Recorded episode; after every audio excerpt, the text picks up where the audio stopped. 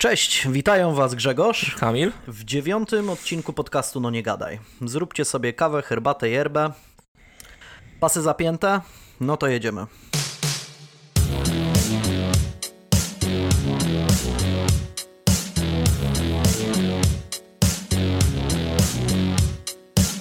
Tak. Mm, sport.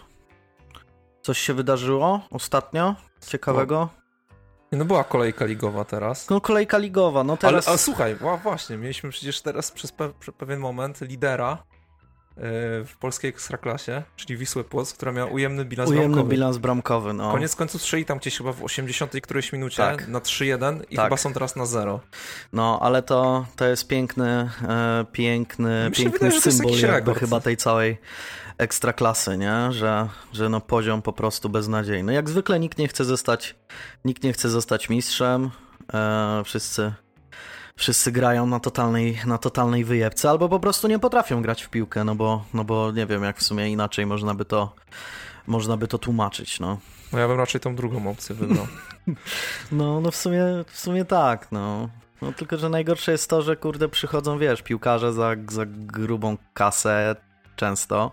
I tutaj puszczam oczko do, do Legii, której kibicuję w sumie głównie, e, bo, to, bo to oni powinni gdzieś tam, moim zdaniem i wydaje mi się, że nawet ludzie, którzy którzy nie lubią Legii i, i e, nie, nie kibicują tej drużynie, to, no to zdają sobie raczej sprawę z tego, że, no, że no to ona po, powinna gdzieś tam przez też swój budżet na mm, dawać gdzieś tam ten przykład, nie? I, I jakiś taki być jakimś takim wzorem chociaż trochę, tak? No bo, no bo kasy mają jak lodu i No, ale nie, nic z tym nie robią. nie wydaje mi się, żeby ktoś, ktoś grał, żeby nie wygrać. No chyba, że w pierwszej lidze, pamiętam czasy Olimpia Grudziądz, Mhm. Chojniczanka, Chojnice. Tak. jak grali super, super początek, w ogóle i jesień, i, i Mhm. pół wiosny, ale później wszystko w tyłek, bo nie chcieli awansować, nie? Bo nie Tak, tak, tak. No, to- no to, to, to, to, to jest jeszcze, jeszcze zrozumiałe w sumie, bo, bo to się dość często zdarza, że, nie, że drużyny nie chcą awansować. Nawet jeśli zarząd ciśnie na awans, to piłkarze nie chcą awansować, bo zdają sobie sprawę, że stracą pracę Stracą pracę, bo wiesz, pójdą do ekstraklasy, no to weźmiemy Tak. kogoś z ekstraklasy, nie? No, Wyższy poziom. No, no. Dokładnie. Jakkolwiek to brzmi, wyższy poziom w ekstraklasie. No, dokładnie, dokładnie tak to wygląda. Jeśli chodzi o jakieś inne rzeczy, to w sumie, to w sumie nic, e, nic nie... No sportowo, Mm. no chyba El Clasico przełożone co najwyżej, ale no to chyba my możemy rozmawiać dopiero w grudniu, jak, jak, się, jak No. się odbędzie. No, tak to w sumie, tak to w sumie bez żadnych, e, bez żadnych konkretnych ciekawostek e, sportowych. No, Jeśli bo, chodzi bo Fame MMA się nie liczył do sportu. Fame ma się, wiesz co, nie wiem, czy, czy, czy jest tu o, o czym, o czym gadać. Znowu to oglądałem, znowu nie wiem dlaczego tak naprawdę. Eee, nie wiem, no, e, to jest taka rzecz, do której, do której chyba, w, chyba wolę się nie, nie przyznawać i, i Nie, no to jest takie guilty pleasure typowe, ale No, eksportowe bardzo trochę, guilty ale... i mało pleasure, jak się okazuje, bardzo często.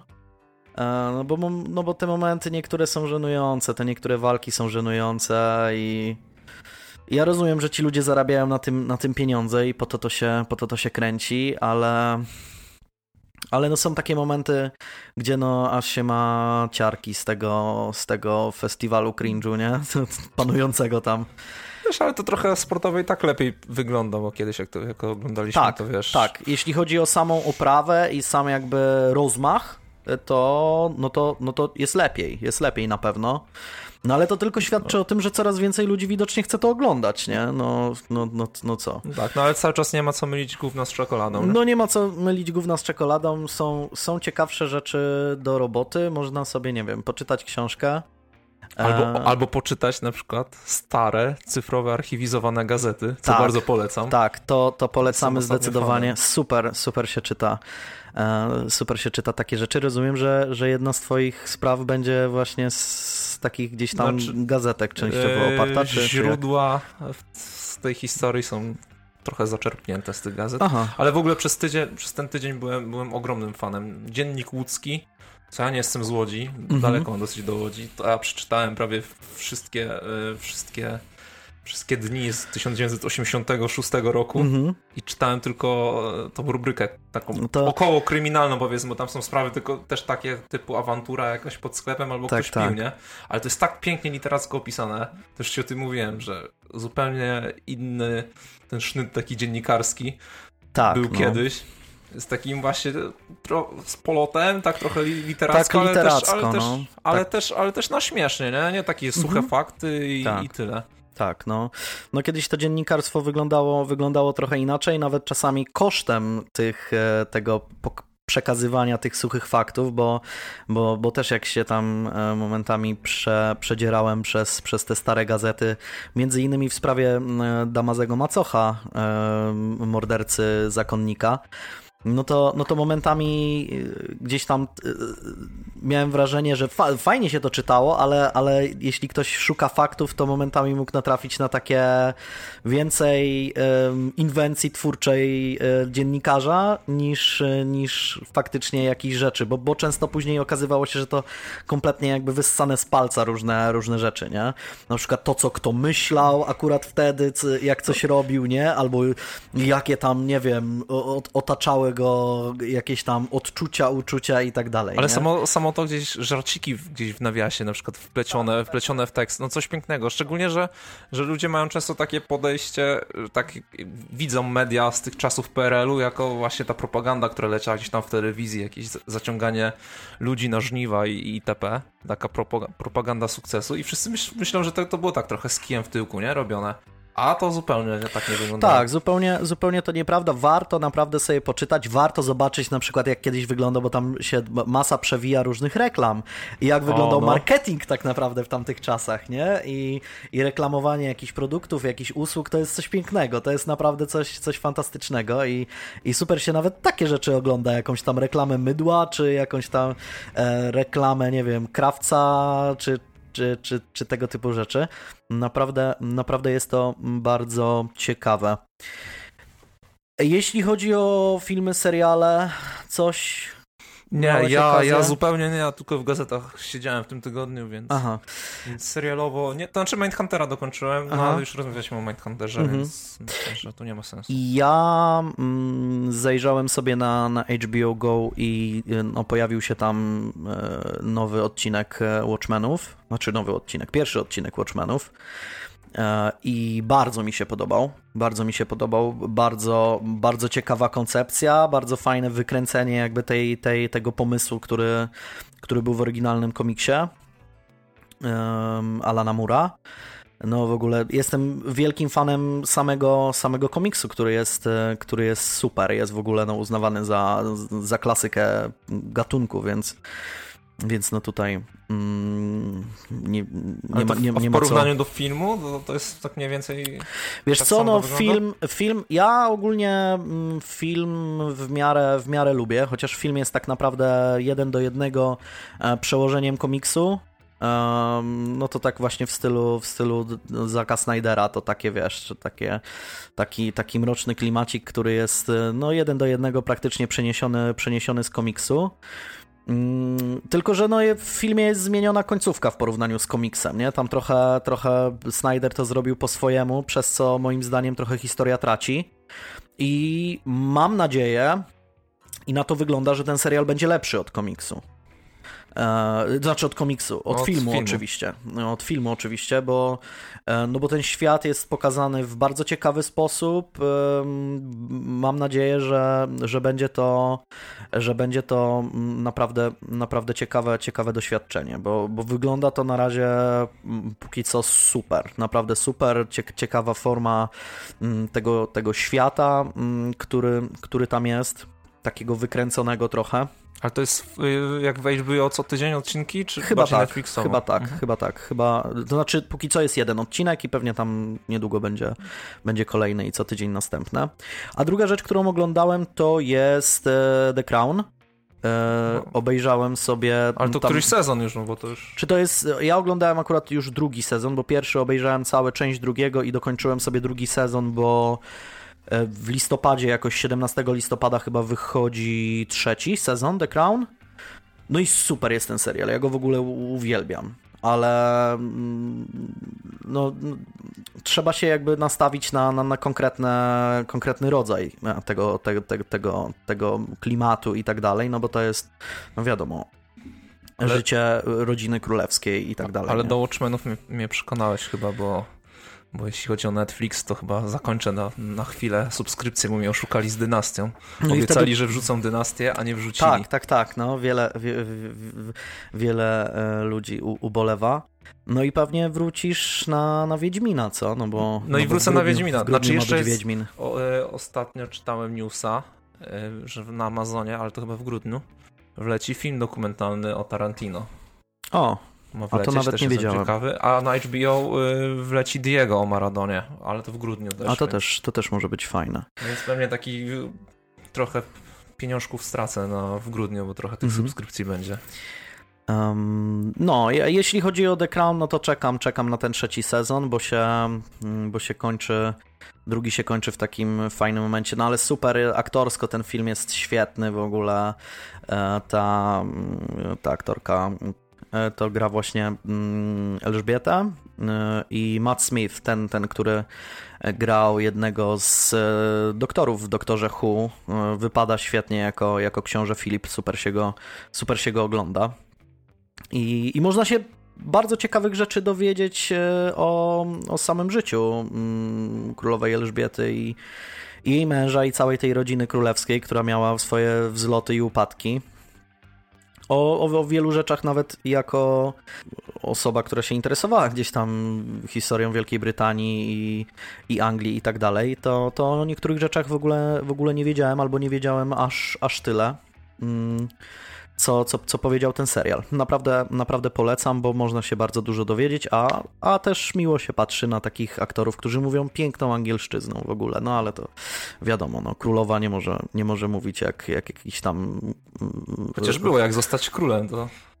No tak, tak, tak, no, no to też jest, że to też jest trochę, ciekawe. trochę kaleczyć. Tak, tak, tak, no.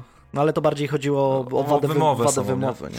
A sam, sam, sam, sam język y, ich tam jest naprawdę, naprawdę piękny, super się tego słucha. No i koniecznie, koniecznie z napisami, no bo mówią, mówią piękną angielszczyzną. Naprawdę. To nie ma dubbingu tam? Dubbingu nie ma, ale jest opcja z lektorem tradycyjnie na, na Netflixie. No ale nie polecam, nie polecam, no bo, no bo warto jest, jest posłuchać y, tych, tych aktorów, bo mówią naprawdę super. Okej, okay, no, już, e, już 13 minut gdzieś tam sobie bajdurzymy, może trochę mniej, e, więc e, chyba czas Możesz na... ruszać z historią, jak masz jakąś dłuższą, to, na historię. to odpalić. Nie, nie, Wiem, czy, nie wiem, czy będzie, czy będzie długa, zobaczymy jak to, jak to wyjdzie, ale mam nadzieję, że będzie ciekawa.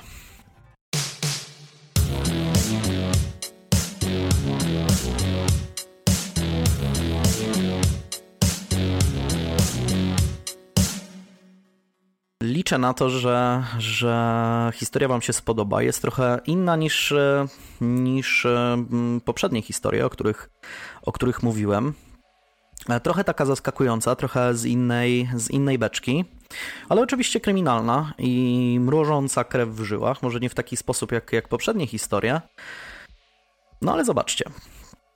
Jest czerwiec 2014 roku. Mm, Maria i Derek Broadas e, spełniają swoje e, marzenie i wprowadzają się do mm, wartej prawie półtora miliona dolarów e, sporej posiadłości przy ulicy, mm, która się nazywa Boulevard numer 657 w Westfield. Jest to stan New Jersey.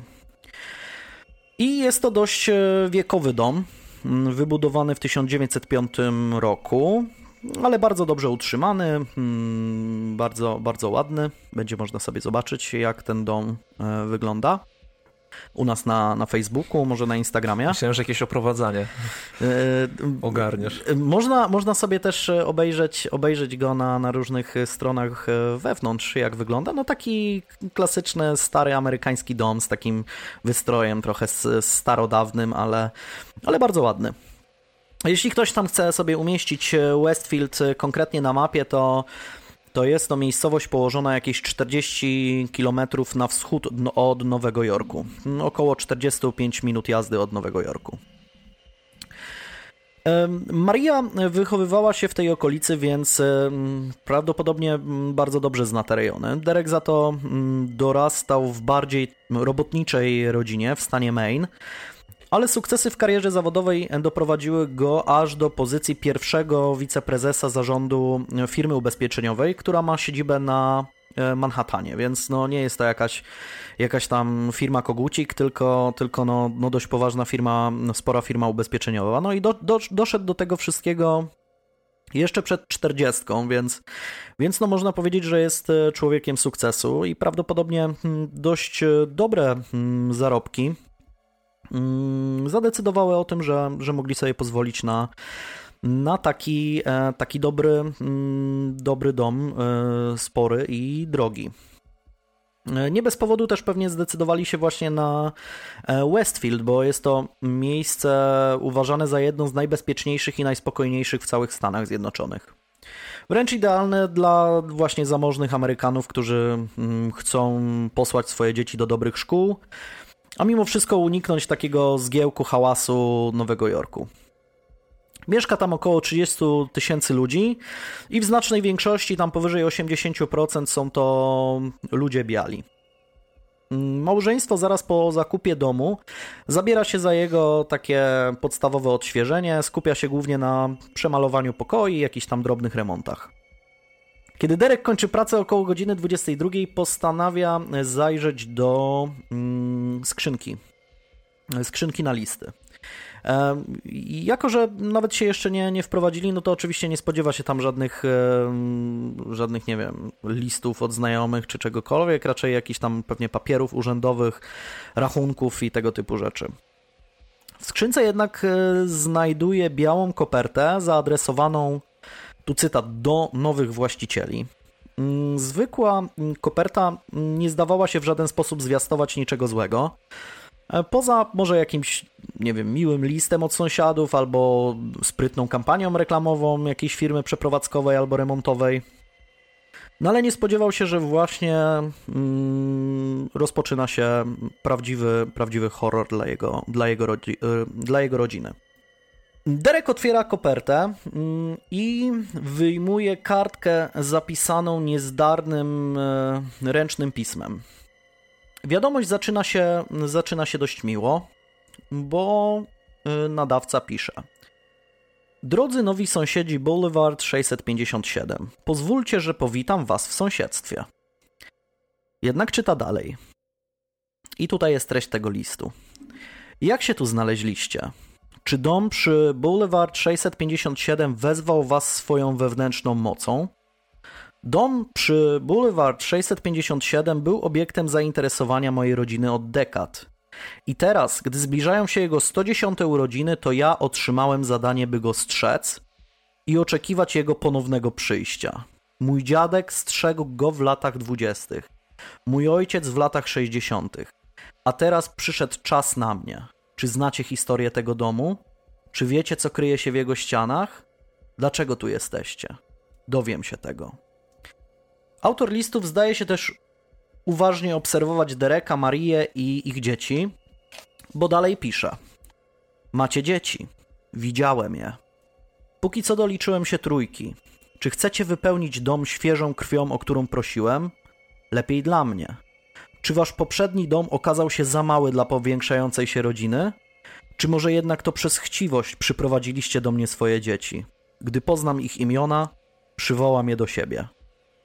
Pisze w liście nawet o minivanie marki Honda, który do nich należał, i o pracownikach firmy remontowej, którzy pracują wewnątrz domu. Bo dalej pisze. Widzę, że zalaliście dom ludźmi od remontów, żeby go zniszczyć. Nieładnie. Zły ruch. Nie chcecie, żeby dom przy Boulevard 657 był nieszczęśliwy. Kim jestem? Setki samochodów przejeżdżają przy Boulevard 657 każdego dnia. Może jestem w jednym z nich. Spójrzcie we wszystkie okna widoczne z domu. Może jestem w jednym z nich. Spójrzcie przez każde z wielu okien w domu na przechodniów. Może jestem jednym z nich. Witajcie, moi przyjaciele, witajcie. Niech impreza się zacznie. Fajne. Fajny pomysł na strollowanie znajomych, jak się ci przyprowadzą. To jest doskonały pomysł na strollowanie znajomych, ale zobaczyć, co się dzieje dalej, bo... No spodziewam się, że to nie będzie troll. Wszystko wskazuje na to, że, że to nie byli znajomi, którzy chcą strollować e, swoich, swoich e, przyjaciół.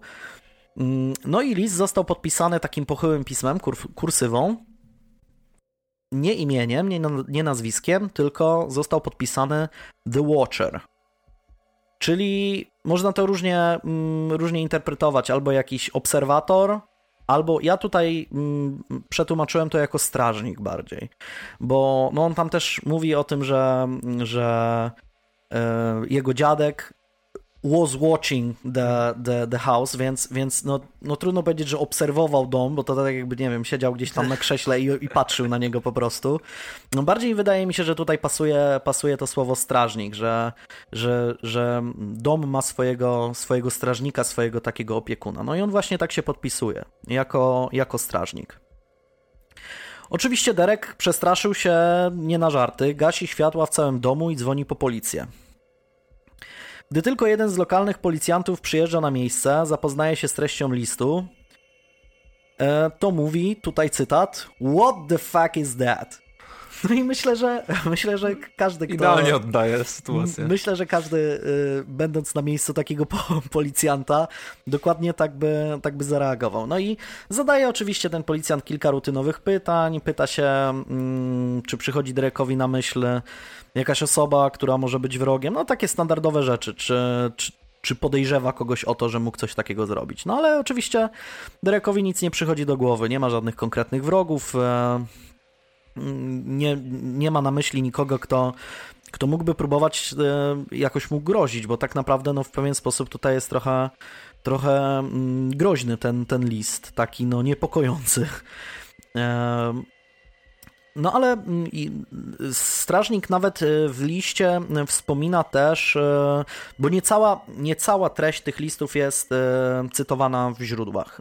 Jest tylko częściowo mm, cytowana, a częściowo jest opisywane, co dokładnie strażnik co dokładnie strażnik mówił. A, a, a w liście są wspomniani mm, poprzedni właściciele domu. Państwo Woods, i Derek pisze do nich maila, informuje ich o tym tajemniczym liście i pyta, czy spotkali się z czymś podobnym. I państwo Woods mieszkali przy, mm, przy Boulevard 657 przez dokładnie 23 lata, ale dopiero na kilka dni przed e, wyprowadzką również otrzymali list od, od strażnika, który informował ich o tym, że obserwuje dom, potrzebuje świeżej krwi, czyli te same, te same rzeczy. Uznali jednak to za, za głupi żart, nawet go tam chyba do końca nie doczytali i wyrzucili list do, do śmieci. Praktycznie o nim zapomnieli, bo to też będzie później istotna sprawa. Oni nawet podczas sprzedaży tego domu nie wspomnieli um, Derekowi i Marii o, o tym, że, że takie coś. No nikt takiego nich... haczyka nie sprzeda, że mamy tutaj strażnika no, chaty, nie? No, no, no nie, no, no mogłoby to mogłoby tak gdzieś wzbudzić niepokój i jakieś dziwne, cenę dziwne podejrzenia, no. E, ale państwo Woods e, razem z, z Derekiem i Marią e, udają się na policję. Mm, pomagają małżeństwu tam wyjaśnić tę całą sytuację. Otrzymują ten, tam zalecenie, żeby nie mówić nikomu o, o listach, a zwłaszcza sąsiadom, którzy oczywiście no, w naturalny sposób są głównymi podejrzanymi. No i mm, ci Broadsowie starają się oczywiście funkcjonować normalnie, ale zwiększają swoją czujność. E, Derek nawet e, odwołuje podróż służbową, którą miał zaplanowaną, by dla pewności być na miejscu i nie zostawiać żony samej e, z dziećmi. No i też tam dbają bardziej o, znaczy dbają bardziej o dzieci, tam pilnują bardziej, bardziej dzieciaków. Gdy tylko któryś z nich tam za bardzo się oddala od domu, matka od razu woła je do siebie, upomina, żeby tam nigdzie, nigdzie za bardzo nie, nie uciekały za daleko, za daleko od domu. Dochodzi też do może przypadkowej, ale jednak dziwnej sytuacji, bo Broadsowie zapraszają do siebie e, parę sąsiadów. No i pokazują mi tam postępy w remoncie, tak po prostu taka e, jakiś tam small talk o, o, o bzdurach. No i mm, sąsiadka w pewnym momencie rzuca tu cytat: To miło, że w sąsiedztwie pojawi się świeża krew czyli używa takiego samego zwrotu, jak, e, jakiego użył strażnik w liście. No i Derek i Maria nie ciągną w sumie tematu, uznają, że po prostu no, widocznie jest to mm, jakiś tam tak, taki akurat dobór, dobór słów, ale, ale uznają to za, za przypadek. No używa dokładnie takich samych słów, czyli fresh blood. Mm, co, co mogłoby być niepokojące, ale mm, gdzieś tam puszczają to mimo uszu. Kolejnym dziwnym zdarzeniem jest też e, to, że E, ciężki znak, który został wbity e, z przodu posesji przez firmę remontującą dom, e, zostaje w nocy wyrwany z ziemi. Ale oczywiście być może to wiatr, albo jakieś niesforne, niesforne dzieciaki, no przecież nie można popadać w totalną paranoję, gdzie każda jakaś rzecz, która się wydarzy dzi dziwna, niecodzienna, no to od razu sądzić, że to jakiś, nie wiem, E, morderca, gwałciciel czy ktoś. No, szczególnie, że jak masz taką paranoję, to, to wszystko, co widzisz, to tak No dokładnie. Sobie dokładnie. sam interpretujesz. No ale w przeciągu mm, dwóch tygodni wszystko zdaje się wracać do normy. Mm, dalej tam sobie remontują tą, tą swoją chałupkę. No i pewnego dnia Maria podjeżdża do domu, wybiera bodajże mm, farby jakieś, e, tam omawia z tymi, tymi pracownikami na, na, na, na, budowie tych, tej firmy remontowej, jak tam pomalować te, te pokoje, na jaki kolor i tak dalej. No i zagląda do skrzynki i znajduje w niej kopertę zapisaną charakterystycznym, takim pogrubionym pismem. I nawet nie otwiera tej koperty, tylko od razu dzwoni na pały, od razu dzwoni na policję. E, no i oczywiście w towarzystwie policji e, otwiera list i czyta. Witam ponownie w waszym nowym domu przy Boulevard 657. Ekipa remontowa miała sporo pracy, a ja obserwowałem, jak rozpakowujecie samochody pełne waszych rzeczy. Macie bardzo ładny kontener na śmieci. Czy znaleźli już to, co kryje się w tych ścianach? Wszystko w swoim czasie. Wszystko wskazuje na to też, że strażnik y, faktycznie pilnie ich obserwował i skupiał się głównie na dzieciach, bo wymienia ich pseudonimy, e, które Maria używała tam wołając je, jak się gdzieś tam bawiły, a także wie, które dziecko jest najstarsze, a które najmłodsze. Dalej pisze też: Cieszę się, że w końcu poznałem imiona wasze i waszych dzieci, które sami do mnie przyprowadziliście. Bardzo często mówicie do nich po imieniu. Zwraca nawet uwagę, że, że jedno dzieci malowało mm, na sztaludze e, ustawionej w takiej przeszklonej, zamkniętej werandzie przy domu. Znaczy, no to jest część domu po prostu. Tak, mm. tak, taka przeszklona, nie wiem jak to nazwać, taki ganek, weranda, coś, coś w tym stylu. I pyta się też w liście, czy to ona jest artystką w waszej rodzinie. Dalszy ciąg listu w ogóle jeszcze bardziej mrozi krew w żyłach, bo jedziemy, jedziemy dalej. Boulevard 657 jest zaniepokojony tym, że się do niego wprowadziliście. Minęły lata od czasu, gdy świeża krew rządziła w tych korytarzach, w tym domu. Czy już odkryliście wszystkie jego sekrety? Czy świeża krew będzie bawić się w piwnicy? Czy może jednak za bardzo boją się pójść do niej samemu? Na ich miejscu też bym się bał. Jest bardzo oddalona od reszty domu. Z piętra z pewnością nie, usłyszeli, nie usłyszelibyście ich wrzasków. Czy będą spać na strychu? Czy może jednak wszyscy będziecie spać na piętrze? Kto śpi w sypialni z widokiem na ulicę? Gdy tylko się wprowadzicie, będę to wiedział. To pomoże mi zorientować się, kto gdzie śpi. Wtedy będę mógł lepiej wszystko zaplanować. Wszystkie okna i drzwi w domu przy Boulevard 657 pozwalają mi was obserwować i śledzić, gdy tylko w nim zamieszkacie. Kim jestem? Jestem strażnikiem i zarządzałem tym domem przez większą część ostatnich dwóch dekad. Rodzina Woodsów wam go przekazała. Nadszedł ich czas i grzecznie wam go sprzedali, gdy tylko o to poprosiłem. Przechodzę obok was wiele razy w ciągu dnia. Boulevard 657 to moja praca, życie i obsesja. Od teraz wy też nią jesteście. Oto skutek waszej chciwości. Witajcie. To właśnie chciwość przyprowadziła przyprowadziła tu poprzednie rodziny, a teraz przywiodła do mnie właśnie was. Miłego wprowadzania się. Dobrze wiecie, że będę was obserwował. Dobrze, że mieszkam w bloku. Ale jak byś zareagował na coś takiego? W ogóle co, Co należy zrobić? Znaczy, szczerze mówiąc, to ja bym chyba zrobił tak, jak, jak wspominali ci łódź. Ja bym to pewnie początek przeczytał.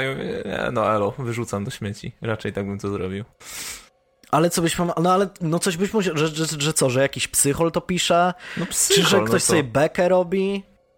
Nie, na początku bym pomyślał o bece. No ale wiesz, gdybyś mieszkał z rodziną, z dziećmi, on by mówił o twoich no. dzieciach, wiesz, to jest, kurde, no to psychol psycholem, nie? Ale z drugiej strony to może być ktoś, kto może Nie, no jak, jak, jak, jak poważnie zrobić, do tego nie? podejdziesz, no to, to jest straszne, nie? Wydaje no, straszne. i wiesz, w ogóle, no... American co? Horror Story No totalnie, nie? Totalnie. Tym razem y, strażnik adresuje ten list bezpośrednio, bo napisał do pana i pani Brodes. E, więc już wie nawet jak się nazywają, mimo że tak naprawdę nie wiadomo w jaki sposób się tego mógł dowiedzieć, jeśli nie był jakimś kimś bliskim Chyba, dla, że to jest nich, pracownik tak? firmy przedprowadzkowej. No chyba, że tak, no ale w sumie po co miałby to robić?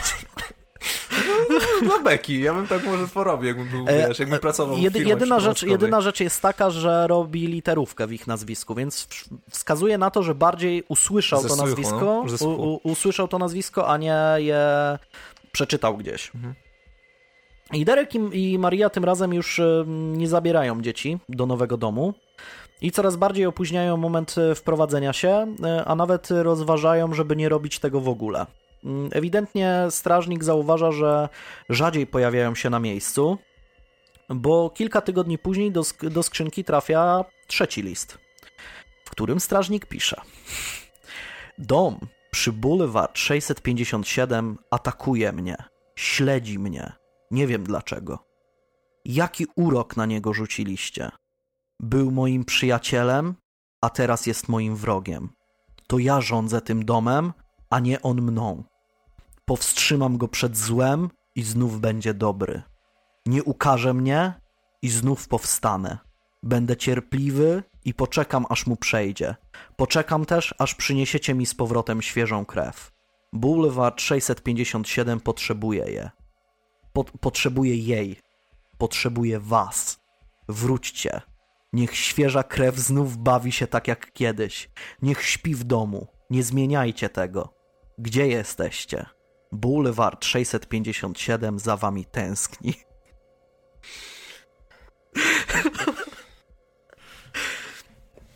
Jaki chory umysł musiał pisać ten list, to ja nie wiem, ale, a, ale no, nie dziwię się, że, że no nie jest im do śmiechu, no bo, no bo to, to jest stalking, nie? To jest normalnie no, regularny no stalking, no tak. nie? Bo ewidentnie ktoś ich obserwuje, ewidentnie ktoś zauważa, że wtedy dzieci były, teraz już ich nie ma. Zauważa ktoś, że dzieciak malował na sztaludze, a ta sztaluga była jakby wewnątrz domu tak naprawdę. No fakt, że w tej przeszklonej werandzie, ale o tym też jeszcze za chwilę, za chwilę powiem, więc wszystko wskazuje na to, że ktoś ich bacznie, naprawdę bacznie obserwuje. Derek, y, Maria z pomocą oczywiście łódców oraz e, policji usilnie zastanawiają się, kim może być tajemniczy strażnik, komu może zależeć na, na ich strachu. No i opcji jest kilka. Może to ktoś, kto przegrał licytację domu mm, z, z nimi. Jednak jak się okazuje, oprócz małżeństwa ofertę kupna złożyło tylko, mm, złożyły tylko dwie osoby. I co więcej, jeden wycofał się z powodu złego stanu zdrowia, a drugi zdecydował się na zakup innej nieruchomości. Więc nawet jeśli ktoś zazdrości im zakupu, to nawet nie wziął Motyw udziału w licytacji. zemsty jakiś tam, jeśli chodzi o, o kupno domu, to też nie wchodzi w grę, nie? Że zemsty takiej, kurde, ten dali więcej hajsu. No tak, no raczej, ja. raczej nie, raczej nie, raczej nie wchodzi w grę. Niektóre kwestie zawarte w listach zdają się sugerować, że może to być ktoś e, z bliskiego sąsiedztwa. Pieczątki wskazują, że listy zostały obsłużone przez Centrum Obsługi Pocztowej w miejscowości Kearney na północy New Jersey. Pierwszy list został ostemplowany 4 czerwca, czyli jeszcze przed ogłoszeniem faktu, że dom w ogóle został sprzedany. Y, więc nie mógł, nie mógł być to nikt z ekipy remontowej, hmm. bo dom jeszcze wtedy należał tak naprawdę do Woodsów. Znaczy został już sprzedany, ale nikt o tym nie wiedział, może tak. Um, I i dzień, a, dzień po tym, jak zaczęły się prace remontowe, czyli no teoretycznie mógłby to być ktoś z ekipy remontowej, ale musiałby być bardzo szybki, tak? Były mm, one jednak, te, te, te prace remontowe były praktycznie mm, niewidoczne z zewnątrz, bo, bo działy się głównie w środku domu. Więc też mm, sprawdzano to i nawet jeśli ktoś by gdzieś tam zerkał na ten dom i obserwował go, to nawet nie powinien wiedzieć, że cokolwiek w domu się dzieje. Nie, to nie były jakieś takie prace, że rusztowania dookoła stały i tam po prostu tłukli jakimś młotem pneumatycznym czy cokolwiek. Więc mm, jeśli ktoś naprawdę nie był jakimś super bacznym obserwatorem, to nie powinien w ogóle zauważyć, że jakiekolwiek prace remontowe są, są robione w domu. No chyba, że taki typowo takie podejście, wiesz, przyprowadzkowe, no raczej większe fury podjeżdżają i jakieś prze, przerzucanie szaf no, jakiegoś no, sprzętu chyba, że coś, RTV, no, chyba, że coś takiego, no, no chyba, że coś takiego. Poza tym, sama sztaluga opisana w liście też była bardzo trudna do dostrzeżenia z ulicy, bo przeszklona weranda z, z przodu akurat była zasłonięta przez e, roślinność. Ktoś, kto obserwował malującą e, dziewczynkę na sztaludze, musiałby znajdować się z tyłu domu, bo ta weranda była przeszklona jakby dookoła, więc musiałby obserwować to z tyłu, bo z tyłu nie było tej roślinności, albo znajdować się na sąsiadującej działce, czyli oglądać jakby tą werandę z boku. E, kilka dni po tym, jak e, przyszedł pierwszy list, Derek i Maria poszli też na powitalnego grilla zorganizowanego przez sąsiadów. Oczywiście zgodnie z zaleceniami policji nie wspomnieli nikomu o strażniku. E, podczas przyjęcia Derek rozmawiał tam z jednym z sąsiadów mieszkającym dwa domy dalej i trochę popytał o ludzi mieszkających w okolicy. Ten wspomniał mu o rodzinie mieszkającej pomiędzy ich domami. E, ci ludzie nazywali się Langford. Mm, pani Peggy Langford, najstarsza z całej rodziny, miała 90 lat i mieszkała ze swoimi dziećmi, które były tam no, w okolicach 60 mniej więcej. E, rodzina, mm, co prawda, była uważana za lekko taką zdziwaczałą, ale absolutnie nie groźną. Nigdy nie sprawiali żadnych, żadnych konkretnych tam mm, zagrożeń czy, czy problemów e, w okolicy. E, jednego z synów tej Peggy Langford, e, Michaela, ten sąsiad przyrównuje do Du Radleya, czyli mm, głównego bohatera książki Zabić Drozda. Mm, Derek więc jest e, pewny, że, że mm, rozwiązał zagadkę, bo wiele na to wskazuje. Wszystko składa się do kupy. Z domu czy ogrodu tych Langfordów weranda byłaby doskonale widoczna. Rodzina mieszka na Boulevard, od lat 60. Jest, jak się okazuje, jedyną rodziną, e, która mieszka tak długo już na Boulevard. Więc pasuje to też do zdania o tym, że ojciec. Że ojciec też był strażnikiem. Tak, dokładnie. Dlatego no, no, no to pasuje i jest to jedyna rodzina, która jakby pasuje do, do, tej, do tej układanki całej. Co więcej, dowiaduje się też, że ojciec Michaela zmarł jakieś 12 lat temu, więc informacja o tym, że E, opiekuje się domem, czy tam strzeże domu e, przez większą część ostatnich dwóch dekad, też pasuje do, do historii jak ulał. No i oczywiście Derek dzieli się tą informacją z, z policją. Jak się okazuje, policjanci nawet już wcześniej sprawdzili ten, ten trop. E, tydzień po pierwszym liście wezwali Michaela na przesłuchanie. Ale ten zaprzeczył, żeby miał cokolwiek wspólnego z, z listami. Mm, choć też policjant y, mówi coś takiego, że jego narracja zdaje się zgadzać z tym, co zawarte było w liście. Trudno powiedzieć, co tak naprawdę policjant uważa za narrację, ale może nie wiem, sposób wysławiania się, czy cokolwiek, czy, czy nie wiem, może, może gdzieś tam jakoś intuicja policyjna kierowała mimo wszystko w stronę Michaela. No ale żadnych twardych dowodów brak. Policja przyznaje w końcu, że nie może tak naprawdę wiele zrobić, no bo listy trafiają, ktoś wrzuca list do skrzynki, List trafia do tej sortowni tam gdzieś na, na północy New Jersey. List trafia do, mm, po prostu listonosz wrzuca list do skrzynki, no i no nie ma ani żadnych odcisków palców, ani, ani nic kon konkretnego. No i sfrustrowane małżeństwo bierze więc sprawy w swoje ręce, robi własne śledztwo. Derek instaluje kamery, czuwa w nocy, obserwując, czy ktoś kręci się w okolicy domu. Zatrudniają nawet prywatnego detektywa, który obserwuje okolice i sprawdza swoimi mm, metodami tą rodzinę Langfordów ale nie znajduje kompletnie nic. Y, wynajmują nawet specjalistę od analizy pisma, który wszystko za, własne, za, własną, za własną kasę, który stwierdza, że listy napisała raczej osoba starsza, prawdopodobnie mm, oczytana. E, co więcej, brak przekleństw wskazuje na kogoś opanowanego. Mm, Lenehan, y, bo ten, ten koleś się nazywa Robert Lenehan, jest, specy- jest jakimś tam byłym specjalistą FBI, stwierdza nawet, że z jednej strony można podejrzewać, że groźby nigdy nie zostaną spełnione, że jakby gdzieś tam z analizy tych listów to wynika, ale literówki i drobne błędy z drugiej strony zdają się wskazywać na osobę nieobliczalną, więc w sumie nie wiem, może was zabije, może nie, trudno mi powiedzieć. Więc no, dalej nic nie wiadomo. Taki mecz można wygrać, przegrać i zremisować. Albo zremisować, no dokładnie. Niektóre zdania w listach wskazują jasno, że może być to ktoś związany z domem, oczywiście. Kto nie może sobie pozwolić na, na jego zakup, czyli gdzieś tam jakaś zazdrość, tego typu rzeczy. Ale wiekowo też tam z Langfordem pasowało, tam, bo Langford, zgodnie z tą analizą ten pisma Michael wychodziło też... miał około 60. No to niby. pasowało, nie? Bo tam było, że starszym no, wiekiem. No raczej. niby pasuje, ale mm, Langfordowie no oczywiście są, są dalej, są dalej tymi, tymi głównymi podejrzanymi ale próbują, próbują oni sprowokować jakąś reakcję jakąkolwiek Michaela mm, w taki sposób, że nawet wysyłają informacje o planach zburzenia domu, jakoś w kooperacji nawet z policją, że, żeby on się dowiedział, że niby ten dom ma, ma być zburzony i, i żeby była reakcja na to. Robią to, jakby prowokują go w jakiś sposób, ale nic się nie zdarza. Kompletnie nic.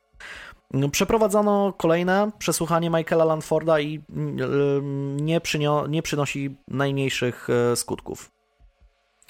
Do końca 2014 roku nie, po, nie pojawiają się kompletnie jakiekolwiek nowe poszlaki. Żadnych śladów, żadnych odcisków palców. Listy mogą być tak naprawdę nadane z jakiejkolwiek skrzynki pocztowej w północnym New Jersey, więc namierzenie nadawcy jest praktycznie niemożliwe. Udało się nawet zabezpieczyć ślad DNA na jednej z kopert czy chyba wewnątrz koperty, no bo na kopercie to mógłby być równie dobrze jakiś pracownik poczty. No i po sprawdzeniu tego śladu DNA okazało się, że to jest DNA kobiety.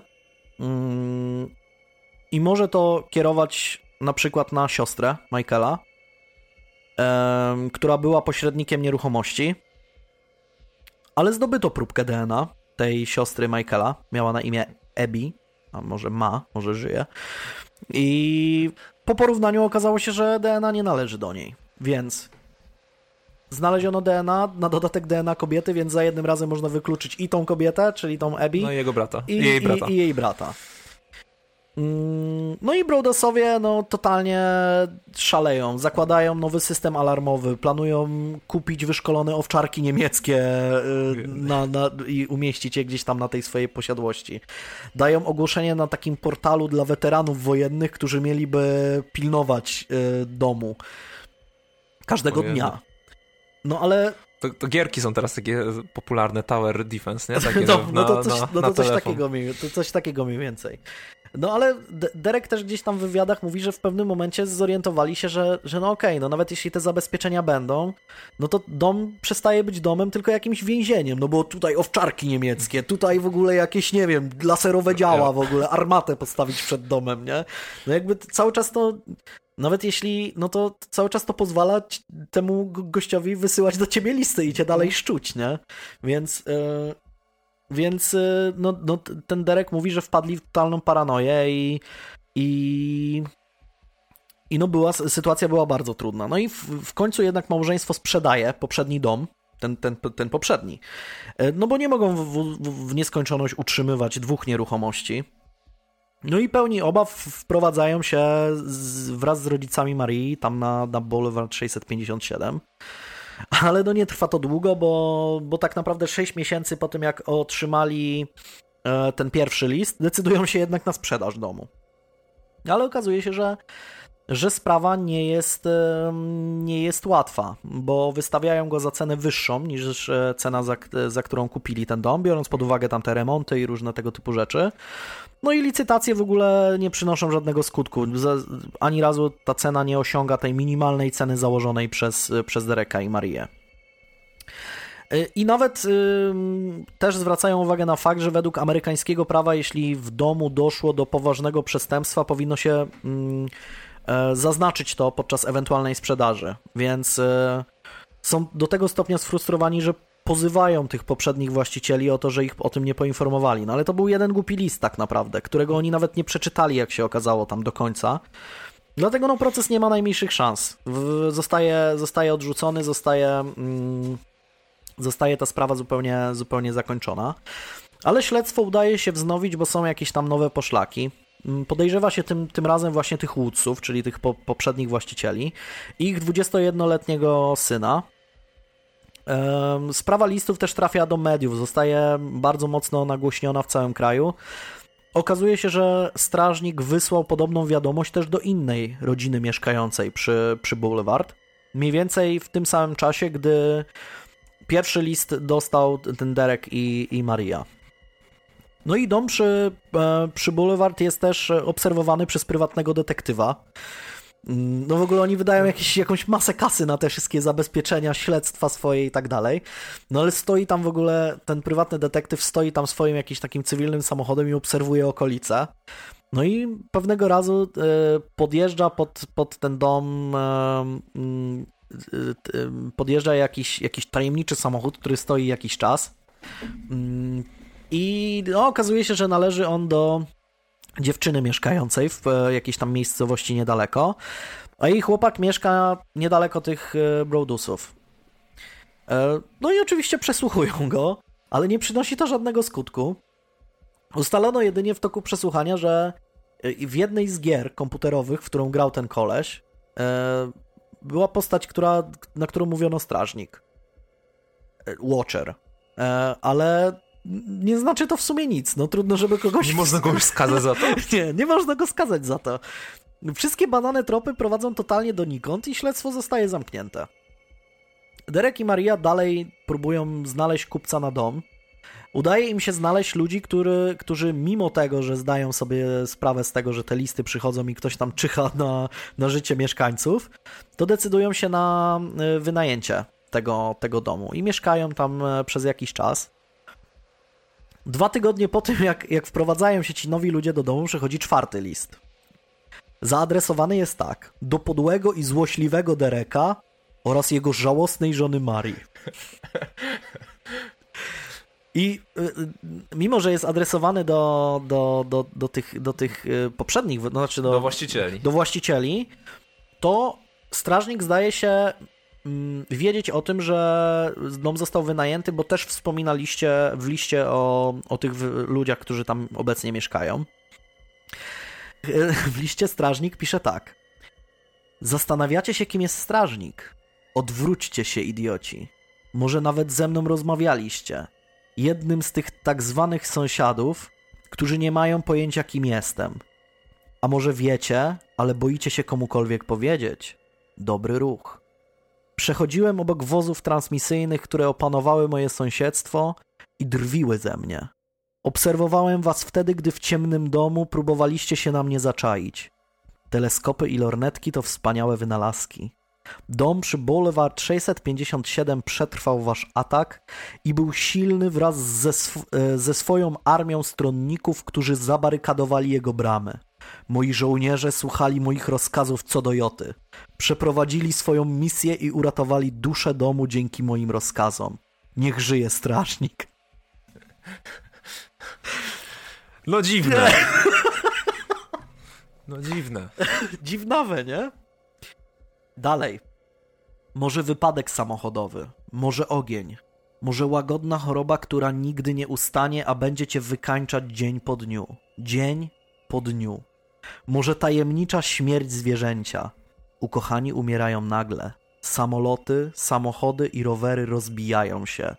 Kości się łamią. Dom wami gardzi. Strażnik zwyciężył. I to jest ostatni list strażnika, e, który przyszedł do mm, pod, trafił do skrzynki na listy pod Boulevard 657 w 2017 roku. Ale brzmi trochę jak taka, wiesz, jak taki dialog jakiegoś NPC'a z gierki takiej. Trochę tak, nie? Jakby no, ktoś, no. kto w jakiś, nie wiem, fantazy jakieś tak, gra. Tak, grasz jakiegoś gotika czy coś i podchodzisz, wiesz, do jakiegoś, jakiegoś gościa, który jest przy zamku i wiesz, tak. podchodzisz tylko od tak, niego questa tak, odebrać. Tak, tak, tak, no. No i niektórzy wierzą Derekowi i, i Marii, Niektórzy uważają, że sami są autorami tych listów, wszystko zmyślili, ale w sumie nawet jeśli, to po co? Po co mieliby to robić? Po co mieliby wysyłać do tych innych jeszcze ludzi gdzieś tam, do tej, do tej drugiej rodziny? Tak naprawdę, e, no nie wiadomo. Mm, nie znaleziono żadnych twardych dowodów, które mogą wskazywać na, na kogokolwiek. Derekowi i Marii udało się w końcu sprzedać dom w lipcu tego roku. Dom został sprzedany. Nawet wiadomo, tam w artykułach, e, które opowiadają, w sumie jest jeden artykuł, e, ale dość rozbudowany, który opowiada o tej sprawie. Nawet bardzo rozbudowany. To tam nawet można przeczytać e, nazwisko nawet tych ludzi, którzy, którzy kupili ten dom. No i sprawa tak naprawdę zostaje cały czas otwarta, bo Ciekawe, czy strażnik znów przywita nowych lokatorów przy, przy Boulevard 657. Może, może się dowiemy, może ta sprawa będzie miała jeszcze swój jakiś dalszy ciąg. Oby nie. Oby, oby ludzie mogli sobie spokojnie mieszkać. Mm, podobno mm, Derek i Maria sprzedali dom w ogóle jakoś totalnie poniżej, poniżej kosztów i, i stracili na tym, ale w końcu przerwał się, zakończyła się ich smutna przygoda z tym, bo, bo nigdy nie mogli z, znaleźć spokoju w swoim wymarzonym domu. Wydali na niego kupę kasy. Ale ciekawa rzecz, bo em, w zeszłym roku bodajże Netflix kupił prawa do nakręcenia filmu albo serialu, w sumie, w sumie nie wiem, nakręci, znaczy ma prawa po prostu do tego scenariusza. Podobno walczyły, walczyły o ten scenariusz jakieś tam największe wytwórnie mm, i okazało się, że że zdobył te prawa Netflix i nie wiem, czy w tym roku, czy w przyszłym powstanie, powstanie produkcja opowiadająca właśnie o, o historii, e, historii tego domu i, te, i, i tych, tych smutnych przebojów Dereka i Marii e, z, ze strażnikiem. Jestem ciekawy, czy to będzie jakieś totalne gówno, czy, czy jednak będzie można to, będzie można to obejrzeć. Historia, historia jest, jest, wydaje mi się, ciekawa i taka inna trochę niż, niż, niż pozostałe, bo nawet taka drobna rzecz, nawet taka drobna rzecz jak list, jak jakaś drobna notatka, potrafi zniszczyć tobie życie, nie? No ten człowiek tak naprawdę nawet fizycznie znaczy dawał im do zrozumienia, że ich obserwuje, ale, ale oni go nie widzieli. W żaden sposób nie pozostawił po sobie żadnego śladu oprócz tych głupich listów, nie? A jednak można komuś zniszczyć totalnie. A gościu przez kilka lat żył tylko z myślą, kim jest ten gościu. Tak, tak naprawdę. Tak, I wydał tak. masę kasy i na... Tak. No dużo stracił na, na, na, na, samym, na samej chacie, nie? Dużo tak, stracił, tak, tak, plus, no. plus, wiesz, koszty jakieś detektywów, nie wiadomo czego tam jeszcze. A to wszystko spowodowane czterema dość krótkimi listami, nie? I historia wydaje mi się niesamowita i, i można z tego naprawdę, moim zdaniem jest to gotowy scenariusz na, na film. Jak można kogoś wprowadzić w jakiś totalny obłęd, w jakąś totalną paranoję właśnie przez takie, taki prosty zabieg.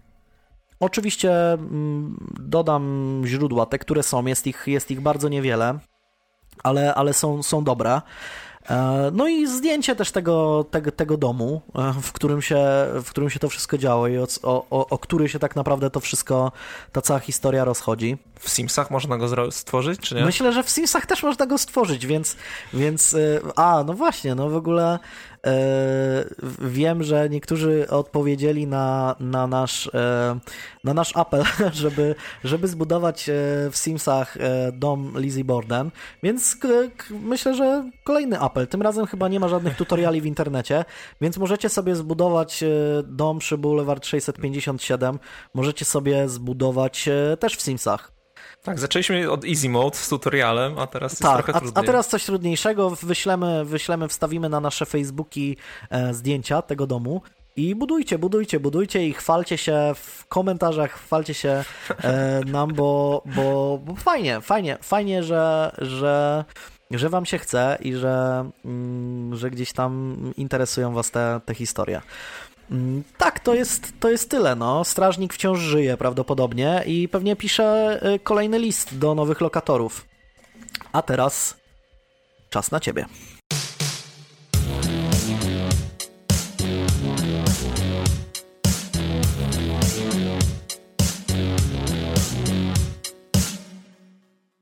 Ja dzisiaj mam historię z Łodzi, dokładnie z lat 80.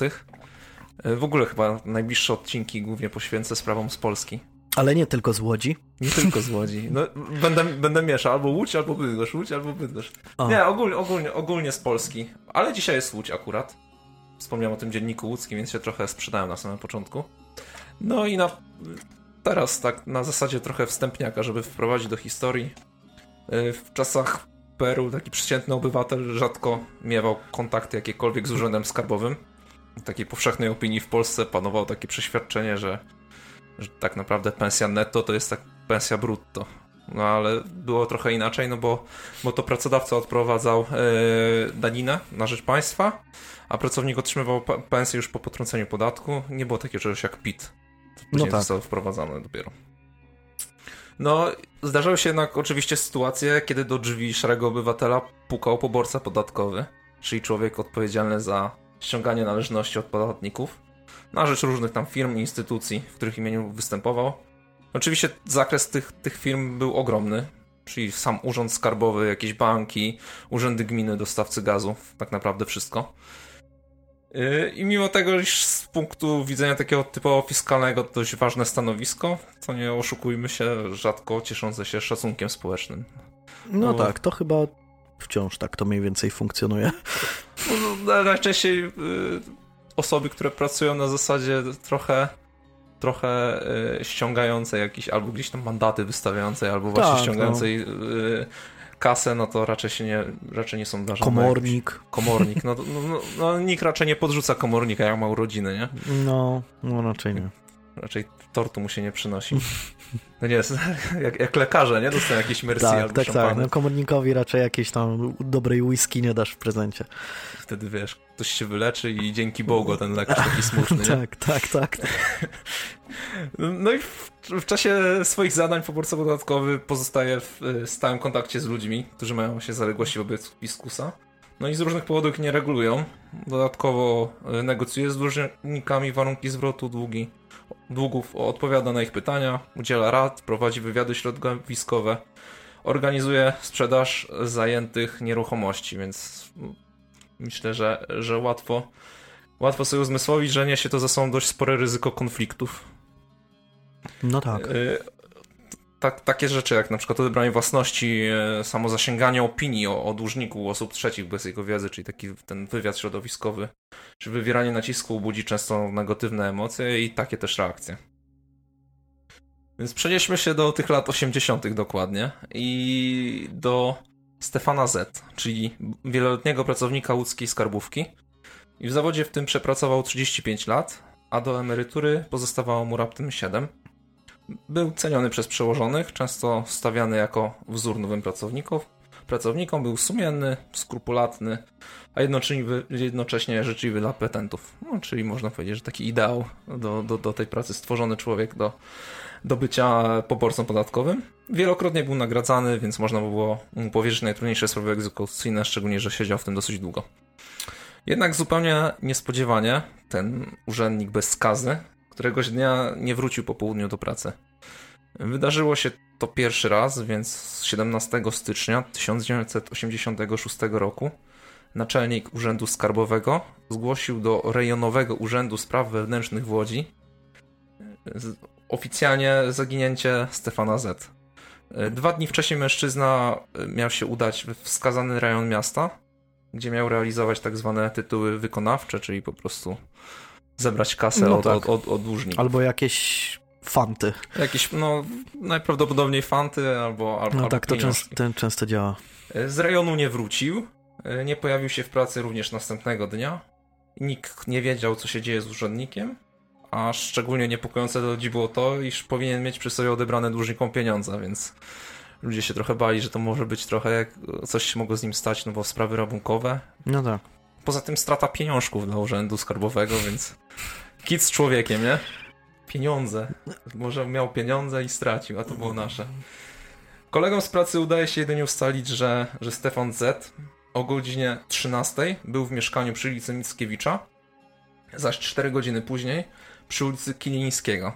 Od tamtej pory przepadł jak kamień wodę.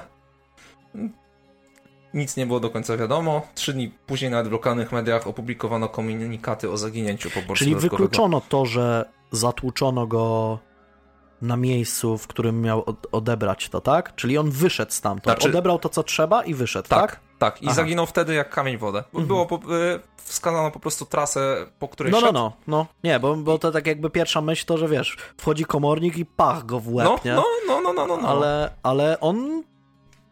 Mickiewicza i Kilińskiego przeżył. Aha, no, no to okej. Okay. Ale zmieńmy tro trochę, zmieńmy trochę miejsce, w którym, o, o którym opowiadamy. I trochę odpuszczając na chwilę temu urzędnikowi skarbowemu, przeniesiemy się w inną część Polski, a dokładnie na stację kolejową Lipce-Remontowskie, przez którą to przejeżdżają pociągi kursujące na trasie Warszawa-Łódź i Łódź-Warszawa oczywiście. Aha, no. E, zanim zatrzymują się na stacyjnych e, peronach, e, mijają mały domek z czerwonej cegły, czyli domek dróżnika, jakich wiele. Mała ciekawostka, to domek dość niezwykły, bo w latach 1888-1893 mieszkał w nim pisarz nasz noblista, pewnie jesteś w stanie w stanie zgadnąć kto e, po samej nazwie. Do, domyślam się. E, czyli Władysław Raymond i jest oczywiście pamiątka na, na, na tym domku, niewielka tabliczka o, na ścianie od strony torów. I 21 stycznia 1986 roku yy, przełożeni dróżnika ze Skierniewic Powiadomili go, że na torowisku leży sporych rozmiarów walizka. Nakazali mu przynieść ją do swojej strażnicy i sprawdzić, co się w niej znajduje. To jest 21 stycznia, a zaginięcie zgłoszono 17 stycznia. Wykonał polecenie, poszedł po walizkę, przytargał ją do swojej budy oczywiście, no i zabrał się za otwieranie. Szło mu to, mu to trochę z trudem, ale w końcu podważył zamek i dość dobrze, że nie miał większych problemów kardiologicznych, bo, bo pierwsze co zobaczył to uciętą ludzką rękę, a dokładniej rękę w kreciastej koszuli zapiętym na guziki mankietem. Dróżnik, jak to zobaczył, dość szybko zamknął wieko. Powiadomił kolejarzy, a potem milicjom o kabrycznym odkryciu. Kwadrans później już zrobiło się pod budką dość głośno, dość niebiesko. Błękit policyjnych lamp no świecił. Tak. E, specjaliści e, zabrali się za badanie zawartości walizki i ujawniono w niej dwie ręce i ludzką głowę. Co ciekawe, wielka torba była podpisana od wewnętrznej strony. Czerwonym pisakiem ktoś napisał Maria Marek.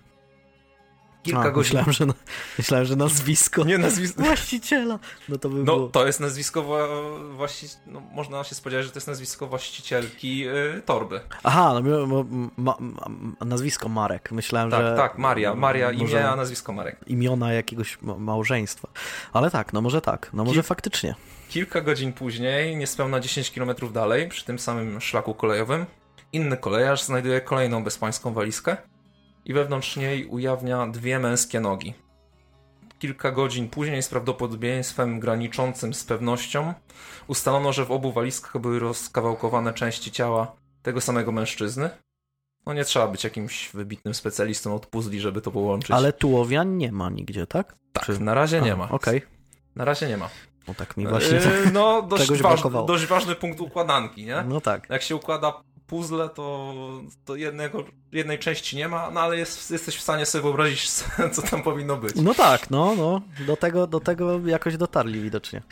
No i w tej zagadkowej na pierwszy rzut oka sprawie szybko powiązano fakty. Zaginiony poborca podatkowy dwa dni przed zaginięciem miał odwiedzić Marię Marek, która do tej pory nie zapłaciła grzywny w wysokości 1400 zł, tak około, mm, jako kary za awanturę w jednym z łódzkich hoteli Światłowit. Na liście... Światowit pewnie. Tak, tak. Światowit. Y, na liście petentów, nazwijmy to tak, y, których miał odwiedzić tamtego dnia, był również jej y, konkubent, czyli Stanisław Michalski, który zalegał ze spłatą już niebagatela 50 tysięcy złotych za pobyt jego syna w Państwowym Zakładzie Wychowawczym w Laskach. I z raportu sporządzonego, sporządzonego dzień później przez, yy, przez Stefana wynikało, że nie udało mu się wyegzekwować tych pieniędzy od kobiety. Kobieta nie miała posiadać żadnych wartościowych rzeczy nadających się do spieniężenia, a w raporcie brakowało informacji jakichkolwiek o Stanisławie Michalskim, czyli o, o konkubencie. E, dodatkową poszlaką kierującą e, oczy śledczych na mieszkanie przy ulicy Wulczańskiej czyli y, miejsce, gdzie, gdzie, gdzie mieszkała, mieszkało, mieszkała Maria Marek wraz z konkubentem, było zatrzymanie 16-letniego Konrada yy, przez, przez milicjantów, który to miał do sprzedania sygnet z inicjałami SZ i tłumaczył, że dostał go od kolegi, czyli Jacka, który mieszkał przy ulicy Włóczańskiej u konkubiny swojego ojca, czyli Marii Marek. Milicjanci pod wskazany adres y, zapukali dokładnie 23 stycznia w godzinach popołudniowych i po wyważeniu w drzwi w mieszkaniu zostali 15-letniego Jacka, czyli y, chłopaka, który, który miał się pozbyć y, sygnetu i syna przy okazji Stanisława Michalskiego, jak i 8-letniego Darka, syna Marii Marek. I dzieci w domu były same. Milicjant w trakcie zeznań w sądzie stwierdził, że na pierwszy rzut oka dzieci były smutne, jakieś takie zastraszone, ale jak, albo jakby coś chciały przed nami ukryć. Yy, na pytanie, gdzie są i kiedy wrócą, rodzice żaden z nich nie potrafił odpowiedzieć. No nie byli w, w stanie, nic nie widziałem, nic nie słyszałem tak naprawdę. Z, z, z ich słów padało. Yy, pomimo braku prokuratorskiego postanowienia, śledczy postanowili się tylko trochę rozejrzeć, tak to nazwijmy. Yy, no nie wyglądało to mieszkanie zbytnio atrakcyjnie. Było brudne i zaniedbane, zaniedbane wszędzie panował tak zaduch, nazwijmy to tak. Yy, mieszkanie to był tak naprawdę jeden wielki pokój, 40 mm, metrów kwadratowych, który był oddzielony yy, na, na trzy pokoje za pomocą, za pomocą zasłonek szaf nie, że, że ściany, wiadomo, jakieś tam y, tylko, tylko y, właśnie zasłonami czy, czy szafkami oddzielone pomieszczenia od siebie. I uwagę milicjantów y, zwróciła kuchnia na początku, gdzie zgodnie z protokołem pod piecem leżał drewniany klocek ze śladami ostrych nacięć, pokryty brunatnymi plamami. Obok siekiera. Pralce wirnikowej pod stertą brudnej bielizny dwie pary zielonych gumow gumowanych rękawiczek z brunatnymi plamami. Na ścianie natomiast liczne, drobne, ciemnobrunatne plamki. E, dodatkowo w protokole e, można przeczytać, że na brudnej pościeli wersalki wiele jaśniejszych i ciemniejszych plam, a pod wersalką jakiś kształt przykryty wzorzystą narzutą. I była to paczka owinięta w szary papier i mocno e, przywiązana białym plecionym sznurkiem po rozwiązaniu pakunku okazuje się, że znalazł się ostatni element tych puzli, o których mówiłem mhm. i w środku znajduje się ciało mężczyzny, więc jak śledczy był jakimś pedancikiem, to mógł odetchnąć z ulgą, że może połączyć wszystko razem tak, teraz. No. teraz. Teraz już się teraz, wszystko teraz zgadza. Wszystko by się zgadzało.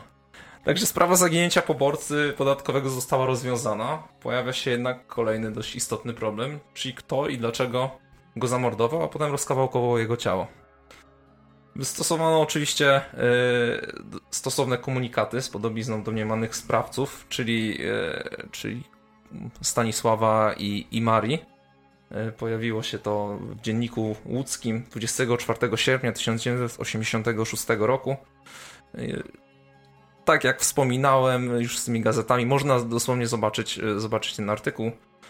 Sam komunikat jest dość, dość krótki i yy, można mi przeczytać, że o popełnienie tej bestialskiej zbrodni podejrzani są widoczni na zdjęciach Stanisław Michalski, syn Stanisława, urodzony 10 marca 1948 roku w Łodzi. Zamieszkały w Łodzi przy ulicy Wulczańskiej i Maria Marek, córka Stanisława, urodzona w Łodzi 15 października 1960 roku. Zamieszkała w Łodzi przy ulicy Wulczańskiej. Oboje się ukrywają. Ktokolwiek mógł udzielić informacji o poszukiwanych, proszony jest o skontaktowanie się z oficerem dyżurnym WE, w, WUSW e, wewnętrznym e, numerem tutaj podanym, podanym w komunikacie e, albo 997 do policji bezpośrednio. I teraz przybliżę może najlepiej postacie, które są poszukiwane, czyli, czyli Maria Marek która urodziła się, jak, jak wspomniałem w komunikacie, w 1960 roku. Edukację szkolną zakończyła po pierwszym semestrze w zasadniczej szkole krawieckiej. Miała 18 lat, kiedy zaszła w ciążę. Ojciec dziecka chciał się podobno nawet z nią ożenić, ale jej nie spieszyło się do wyjścia za mąż, więc wychowywała dziecko sama. I mała się różnych zajęć. Była listonoszką, portierką, a do tego rzecz jasna dochodziły alimenty na dziecko, więc, więc stąd łapała pieniądze. E, grzywna za awanturę była jej pierwszą karą w życiu, czyli nie była jakąś mhm. kryminalistką. kryminalistką typową. I w 1983 roku na imprezie u wspólnych znajomych poznała Stanisława Michalskiego. Obydwoje byli samotni, okazało się, że mieszkają na sąsiednich ulicach, więc szybko się dogadali między sobą. Nie przeszkadzało jej, że mężczyzna był starszy o 12 lat i on akurat już miał przeszłość kryminalną. E, dochował się dwójki synów, z których jeden był niewidomy od urodzenia i znajdował się w zakładzie opieki społecznej. E, I właśnie ta, ta należność, którą miał odebrać poborca podatkowy, to jest właśnie opłata za, za przebywanie syna w tym zakładzie opieki. O. E, jego żona zmarła na nowotwór, więc on się, zajmował, on się zajmował dziećmi. Jego przeszłość kryminalna tak naprawdę nie była jakaś tam wielka, to było, chodziło bardziej o sprawy wojskowe, jakaś kradzież broni dokładnie wchodziła w grę w trakcie, w trakcie służby zasadniczej. E, również miał się różnych zajęć, jak konkubina był ślusarzem, kierowcą, motorniczym, również pracownikiem prosektorium. Ale najbardziej łączyło ich to, że wspólnie lubili sobie spożyć alkohol. Czyli tak jak, jak to łączy wiele, wiele konkubinackich par. No to w ogóle wyłączy wiele par, nie? No i kiedy trwały poszukiwania dwójki tych do, dorosłych, wzięto pod krzyżowy ogień pytań Jacka Michalskiego. Początkowo twierdził, tak jak wspominałem, że nic nie widział, nic nie słyszał. Jednak cierpliwość śledczych się powoli kończyła. Do tego doszło pewne zmęczenie nastolatka e, długimi przes przes długim przesłuchaniem. No i wreszcie zmiękł i zaczął mówić. Przyjmijmy, że to jest oficjalna wersja. Nie chcę sugerować, że jakiś śledczy mieli na to jakikolwiek wpływ. No tak. Powiedzmy, że powiedzmy, że sam w końcu zmiękł. E, no i nastolatek oświadczył, iż urzędnik był w mieszkaniu u nich we wtorek, 14 stycznia i chciał zabrać telewizor, ale ciocia, czyli y, Maria Marek, którą nazywał ciocią, przekonała go, że jutro będzie miała pieniądze na spłatę wszystkich należności. W środę, jak wrócił do domu, mężczyzna znów był w mieszkaniu, jednak teraz atmosfera była zgoła inna. Na stole stała butelka wódki i jakieś jedzenie. Jak nic, wedle tego co widział, trwała kolejna impreza, jakich było wiele w tym mieszkaniu. Nastolatek jak to zobaczył, wyszedł z mieszkania i wrócił e, około godziny 20. I w mieszkaniu zastał wiele śladów krwi. Jednak nie spodziewał się najgorszego, myślał, że ojciec zabił kota. To też jest dosyć, dosyć straszne i... Nic takiego, straszne, myślałem, że ojciec jest, no. zabił no, kota. No to jest dość straszne, że, że on podszedł do tego normalnie mówi, nie no, zabił kota, to luz, nie? No ale, ale tak zeznawał dokładnie, że nie spodziewał się, że, że, że cokolwiek się mogło komukolwiek stać na tej imprezie, tylko no, zginął kot. Co, mm. co, co, co dużego, to żadna wielka sprawa. Y, Maria miała leżeć w łóżku, zmożona nadmiarem alkoholu, y, a wstawiony ojciec, mamrocząc coś pod nosem, wyszedł z mieszkania w trakcie jak Jacek, Jacek się pojawił. Stół był przewrócony, na podłodze leżały stłuczone szklanki i kołdra przesiąknięta krwią. I nic, to, nic takiego, to znaczy no, widocznie to bo, była norma u nich. Tak, to była norma, bo Jarek zaczął zbierać szczątki, szczątki potłuczonych e, szklanek i wycierać z podłogi krew i zapierał się na wszystko, że początkowo naprawdę myślał, że ojciec zabił kota. I około godziny 22 poszedł spać po wysprzątaniu e, mieszkania, ale nie mógł zasnąć. Po godzinie w domu e, usłyszał, że pojawił się pijany ojciec, czyli Stanisław, jednak szybko yy, zasnął, położony też alkoholem. Około północy wstała Maria, yy, obudziła Jacka i kazała mu podnieść wersalkę i zobaczyć zwłoki poborcy. Tak sobie obudzi, obudziła chłopaka mówi, patrz, patrz, patrz co mamy tutaj w wersalce. Yy, chłopakowi nie za bardzo się chciało wstać i niczego oglądać, jednak to zrobił, co, co miało u niego wywołać koszmary senne i już nie mógł, nie mógł zasnąć do końca, e, do końca nocy tak naprawdę. No myślę, że też bym źle spał, jakby, no, jakby mnie ktoś obudził i pokazał zwłoki w wersalce. Słuchaj, hopa! Hopa, chodź tutaj. Pa, co mamy? Pa, pa, pa.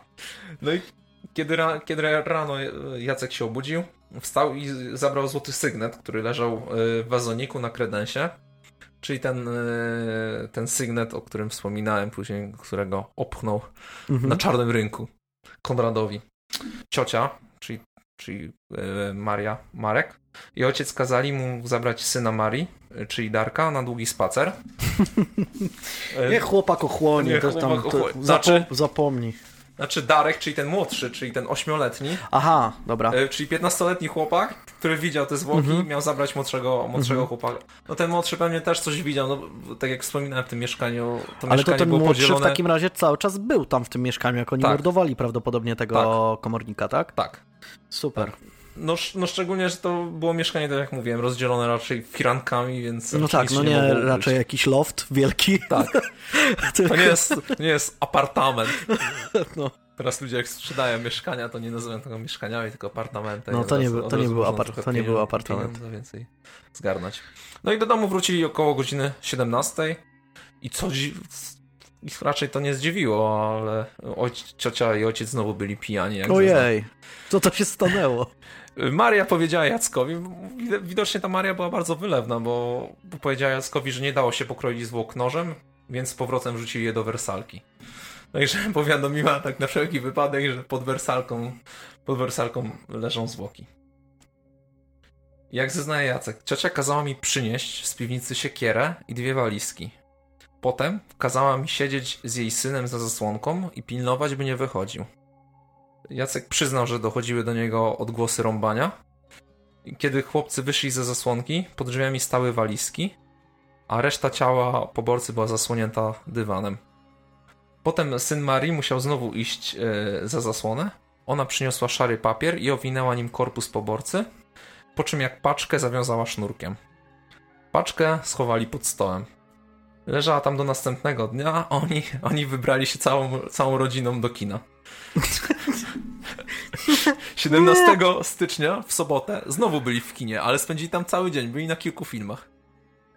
W niedzielę. No, zobacz, lubią no, kinomani. No, kinomani. No, bym na pewno do naszych dygresji na początku mieli wiele. No, o filmach moglibyśmy sobie pogadać. Mieliby wiele do opowiadania.